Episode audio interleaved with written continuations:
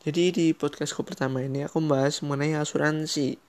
Asuransi berasal dari kata verzekering itu dari bahasa Belanda yang artinya pertanggungan. Istilah pertanggungan umumnya dipakai dalam literatur hukum dan kurikulum pendidikan tinggi hukum di Indonesia.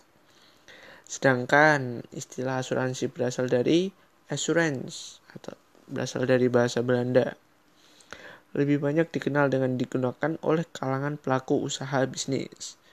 Nah, di Inggris, selain istilah assurance, juga terdapat istilah pendampingnya yaitu insurance.